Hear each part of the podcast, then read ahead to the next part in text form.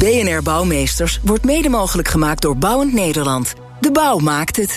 BNR Nieuwsradio. Bouwmeesters. Paula Seur.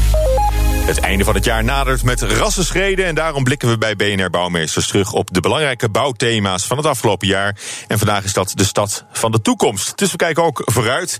En dat doe ik met eh, Fred Schorel. Hij is directeur branchevereniging van de Nederlandse architectenbureaus. Hartelijk welkom. Dankjewel. Goed dat je er bent, eh, Fred. Eh, ja, de grote thema's waar we voor staan, die in het afgelopen jaar al veelvuldig zijn besproken. Dan heb je het ook over de steden van de toekomst. Het wordt, het wordt drukker in de steden. We zien steeds meer mensen. Er zijn steeds meer auto's bijgekomen de afgelopen jaren. Er is minder plek om te bouwen. We moeten ook denken aan circulair bouwen. Duurzamer moeten we worden. De energietransitie is een groot vraagstuk. En dan willen we ook nog een groene stad. Ja. En dat combineren met al die dingen die ik hiervoor noemde.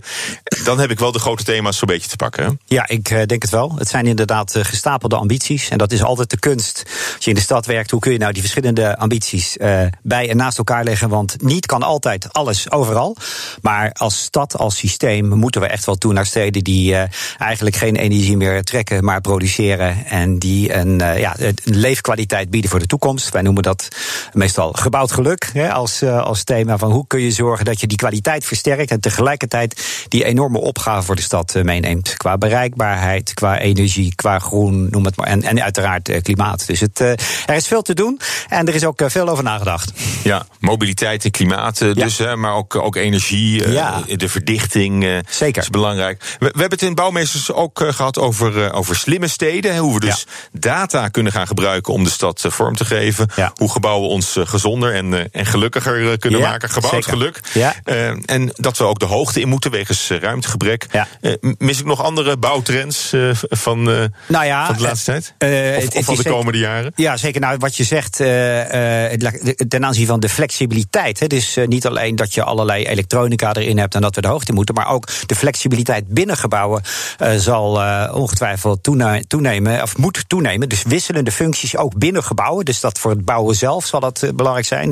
je kent misschien dat. Ja, gaat dat verder dan verschuifbare binnenwandjes ja, in, nou, in de ja, Ik weet niet of je het, het, het nu nog, laat ik zeggen, zeer toekomstig, zeer ja, Jules Verne-achtig idee van de Barba Papa woningen, zoals mm -hmm.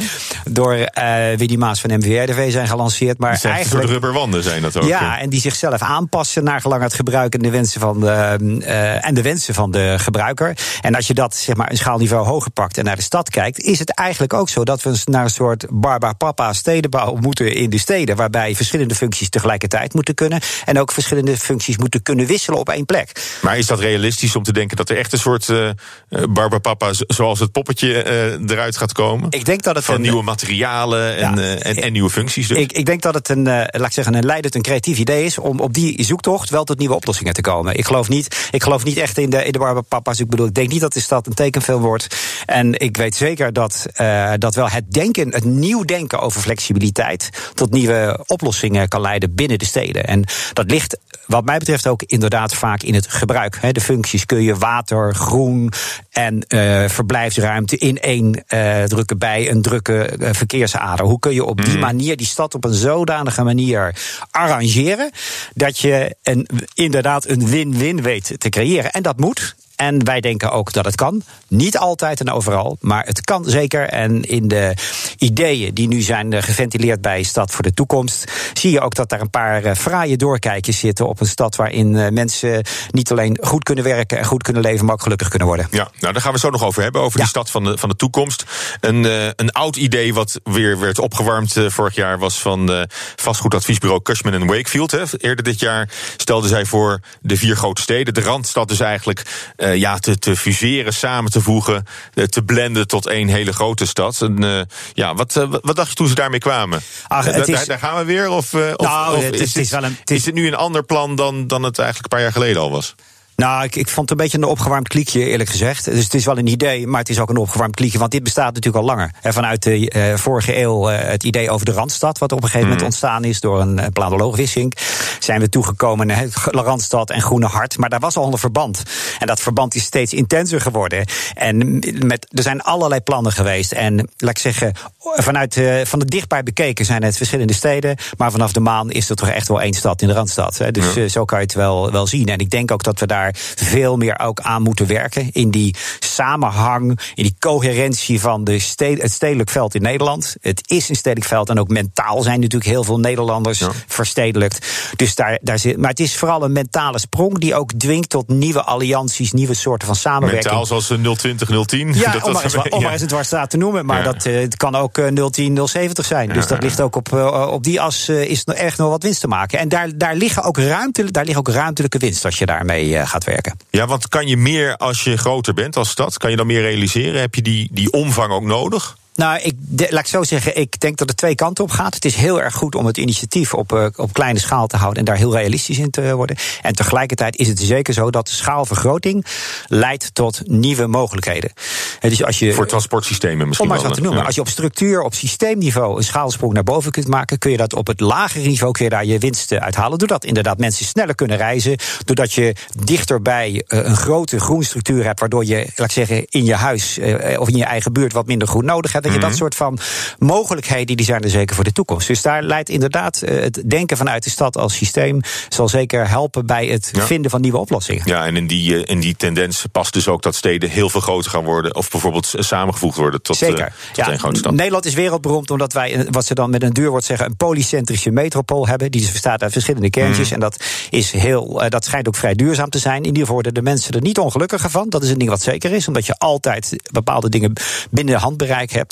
En ik denk dat we juist die kwaliteit van die Nederlandse metropool moeten uitbouwen. En daarbij tegelijkertijd een schaalsprong moeten maken. Ja, nou, dat is dan uh, eigenlijk naar binnen gekeken. Ja. Je kan ook naar buiten kijken. Hè. In BNR Eye-Openers hebben we het uh, gehad over migratie naar zee. Want daar kunnen we ook bouwen. Hè. Ja. Voor, voor Schiphol, Schiphol in, in zee is natuurlijk veel, veel besproken. Dus ja. het is ook misschien interessant om, om ja, transport of faciliteiten naar, naar, naar zee te verplaatsen. Maar misschien ook wel, ook wel woningen. Zo, en nou ja, die plannen zijn er ook echt in het verleden ook al gemaakt. Ik herinner me nog een aantal Waddeneilanden voor de kust. Een idee van uh, West 8, Adriaan mm. Geuze. We zijn natuurlijk, we hebben al de Marken Wadden in het IJsselmeer. Dat is ook een idee waarvan je in het begin denkt, ja, moeten we dat daar nou doen? Nou, je ziet wat er uh, gebeurt. Het idee en de, reali uh, de realisatie daarvan is al, is al mm. gebeurd. dus Blauwe het stad hadden we nog. ja, zeker. Nou ja, dus ik, ik vind, het is een fantastische traditie. Een mooie traditie om zo futuristisch na te denken. En eerlijk gezegd, hè, Schiphol in zee, dat wordt misschien met nieuwe technologieën ook haalbaarder. Of mm-hmm. denkbaarder in ieder geval. De, en dat komt ook steeds terug. Dus er zit iets in dat idee. Er zit een soort kiemsel in die toch eigenlijk iedereen wel heel interessant vindt. om op die manier nieuwe oplossingen te vinden. en niet allemaal op één kluitje, kluitjesvoetbal ja. te spelen. Maar goed, hoe, hoe dichtbij zijn die oplossingen in de, in de realiteit? Ja, nou niet heel dichtbij. Dus dat zijn geen oplossingen van de komende vijf of tien jaar. Dan moet je echt denken in decennia. En ik denk ook dat heel veel, hè, want heel veel van wat er nu is, dat is er in 2050 ook. He, dus laat ik zeggen, 70% van de stad van de toekomst is al gebouwd. En dan mm. gaat het natuurlijk.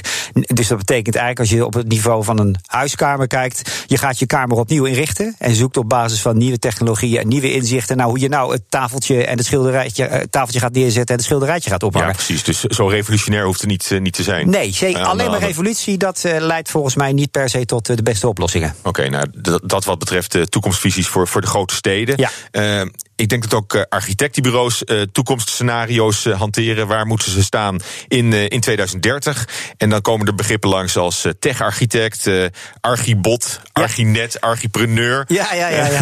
wat, ja. wat is dat voor, voor pakket? Ja, wat is dat voor taal? Ja, nou, wat wij eigenlijk gedaan hebben, samen met de architecten overigens, is nagedacht over wat is nou de invloed van de technologische vernieuwing mm. op, op de architect, op het architectenbureau. En dat betekent hoe je werkt op een bureau, mm. hoe je samenwerkt met andere bureaus en andere partijen. En wat de klant en de opdrachtgever van jou willen. Nou, technologische. Uh, je kunt je voorstellen dat technologische ontwikkeling een beetje stapsgewijs gaat. Mm -hmm.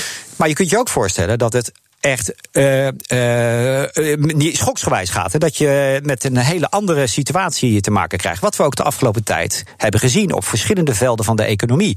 Je hoeft de hotelbranche maar te noemen uh, met ja, Airbnb. Maar, maar, de architect gaat dus een hele andere rol aannemen. Ja, ik, wij denken zelf dat op, op dat, die technologische ontwikkeling de, ook de architecten zal dwingen tot een herpositionering. Een nadenken, strategisch nadenken aan de voorkant van waar kunnen wij nou onze toegevoegde mm. waarde in de toekomst op een andere manier leveren. Ja. En dat betekent het bijvoorbeeld, als ik een voorbeeld mag noemen, jij noemde het Archibot, hè, dat, is, dat staat voor Archirobot. Ja, ja. En dat is eigenlijk een soort hele grote database met slimme artificial intelligence. Zo moet je dat een beetje mm zeggen, voorstellen.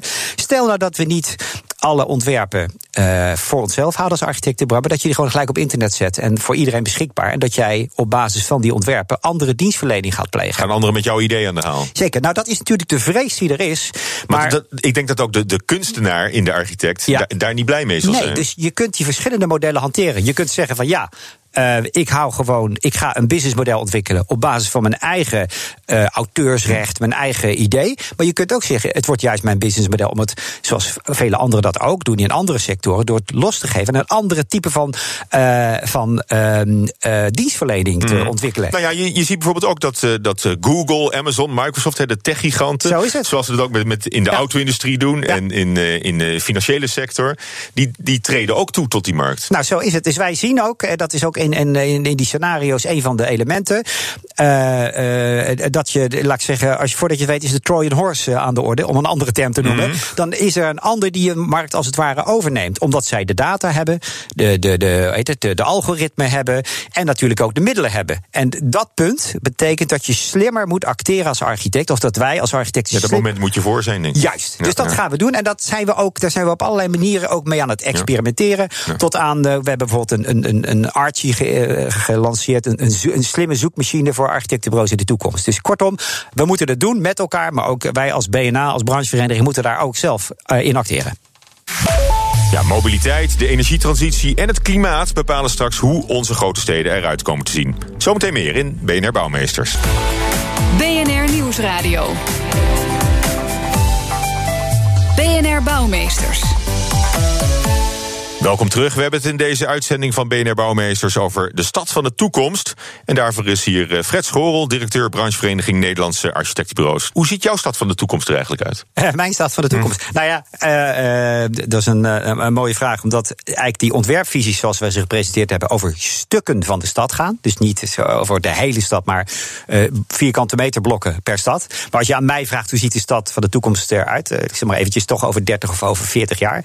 dan denk ik dat ik nog heel veel, in Nederland zeker... heel veel herkenbaar zie. Omdat de pure kwaliteit van onze steden... die, eh, moeten, we zeker niet, eh, over, eh, die moeten we zeker niet veronachtzamen. Dus daar is heel veel kwaliteit. Ik hoop dat ook. Ik ben zelf ook iemand die graag iets met ik zal maar zeggen, erfgoed en historische verhaallijnen eh, doet. Maar ik zie ook een stad waarin we ons inderdaad op een andere manier gaan voortbewegen. Een stad waarin eigenlijk de kwaliteit van leven de, de, de, de binnenkant van de stad gaat bepalen. En niet meer het economisch functioneren als eh, of, of anderszins. Hè. Dus ik, ik denk echt dat er een hele andere sfeer gaat heersen. Verblijfsruimte. De publieke ruimte wordt enorm belangrijk in die toekomstige stad. Omdat als wij gaan verdichten, want dat gaat zeker gebeuren, dat verwacht ik ook.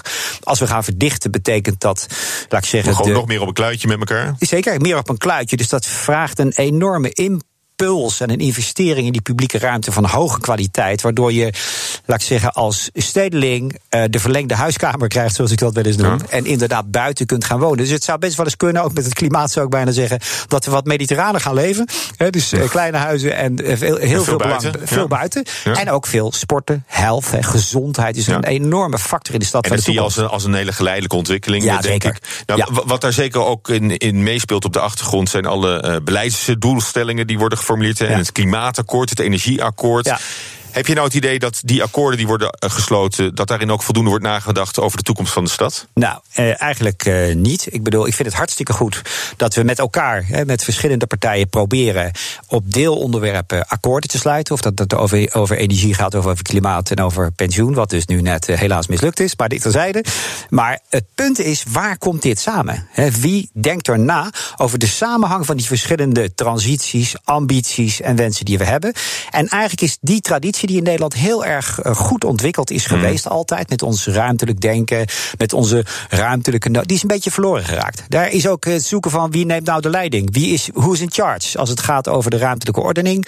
Het Rijk heeft dat wat laten gaan. eh, de provincies hebben dat voor een gedeelte opgepakt, maar ook niet helemaal. De steden soms wel, soms niet. Het, het mag van jou wel wat eh, dictatorialer eigenlijk. Eh, eh, nou, laat ik zo zeggen, eh, de, de dictatuur kan, eh, k- kan werken met macht, maar vooral met gezag. Dus ik zou zeggen, wat meer gezag en regie op die ruimtelijke ontwikkeling. Dat zal zeker helpen. En dan komt daarbij natuurlijk het rijtje van visie. Wat is je visie nou eigenlijk op die toekomst? Welke strategieën?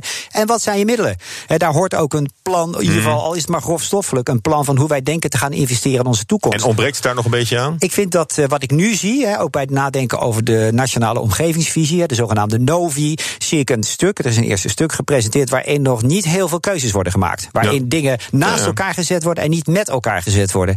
En dat zal toch echt de opgave van de toekomst zijn. Dat we niet een kamer hebben, hè, zoals om, dat, om die beeldspraak van zojuist, maar waarin alle, eh, alle spulletjes in één hoekje staan en, en de rest van de kamer leeg is. We zullen het met elkaar in verband moeten brengen. En soms moeten kiezen om dingen weg te gooien of nieuw aan te schaffen. Ja. Maar goed, beleidsmakers hebben niet te maken met een eh, lege canvas. Hè. Ze hebben ook te maken met een enorme legacy natuurlijk... waar ze mee, mee verder moeten. Dus ik snap ook wel dat ze meer achterom kijken dan vooruit... als ze eh, nieuwe doelstellingen formuleren. Ja, maar ik vind eerlijk gezegd dat eh, beleid maken. eh, natuurlijk is het belangrijk, de, de lijn verleden, heden, toekomst. om die in de gaten te houden, ook bij beleid. Beleid is natuurlijk ook heel veel, eh, voor heel veel mensen ook thuis, eh, denk ik. eh, ja, dat is een woordenspel. En dat gaat niet over de, over de werkelijkheid. Ik denk dat eh, beleid wel nodig is, maar dan vooral in de sfeer van visie. Ik wij hebben ook dat project Stad van de Toekomst. eh, hebben, we, hebben expres gedaan. wa- Wat, wat we noemden beleidsarm en bedrijfsluw.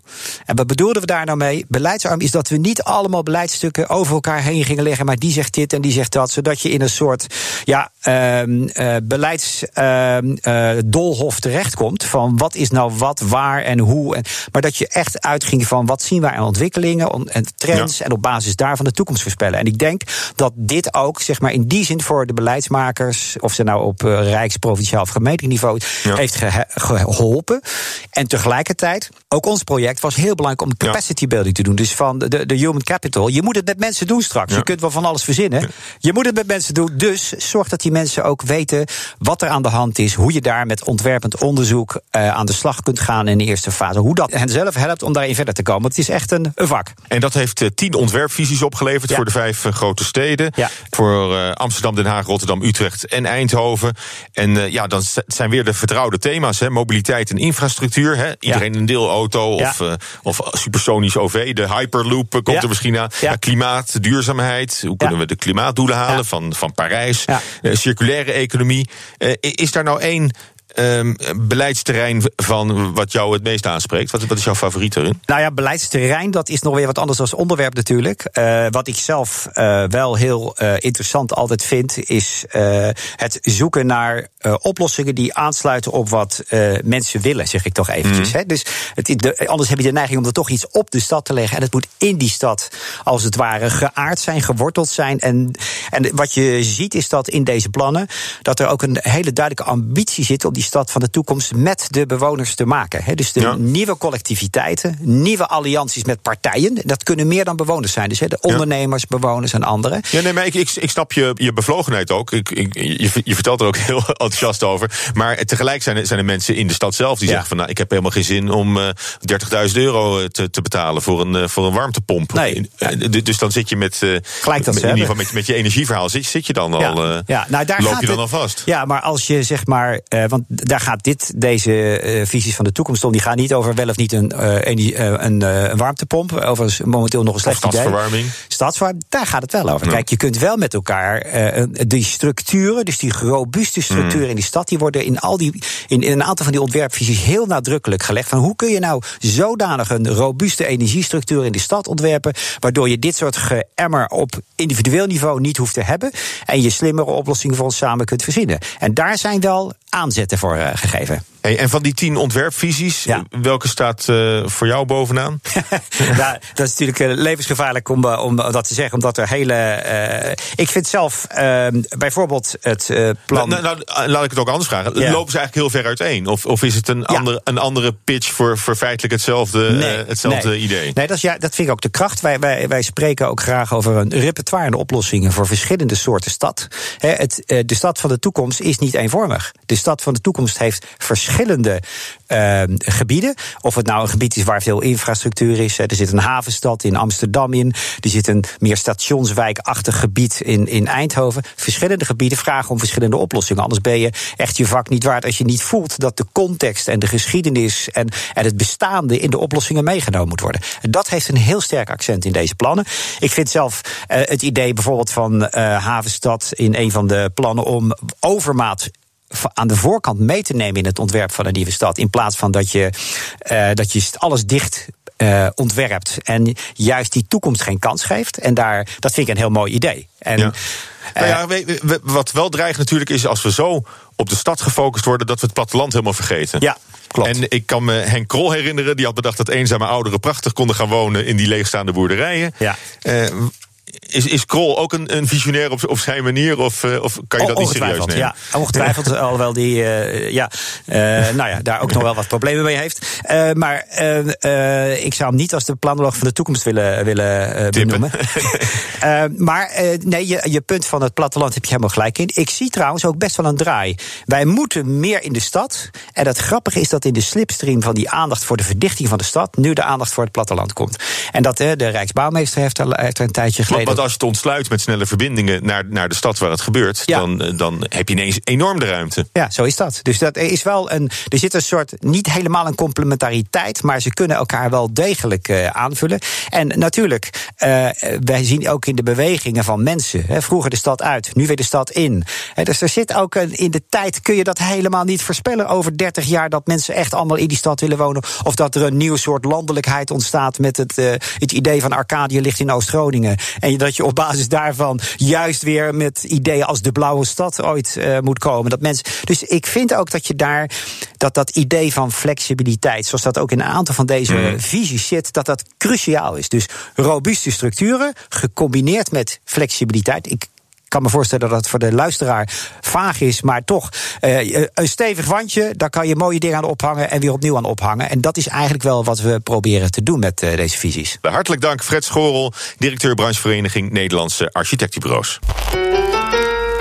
BNR Bouwexpo.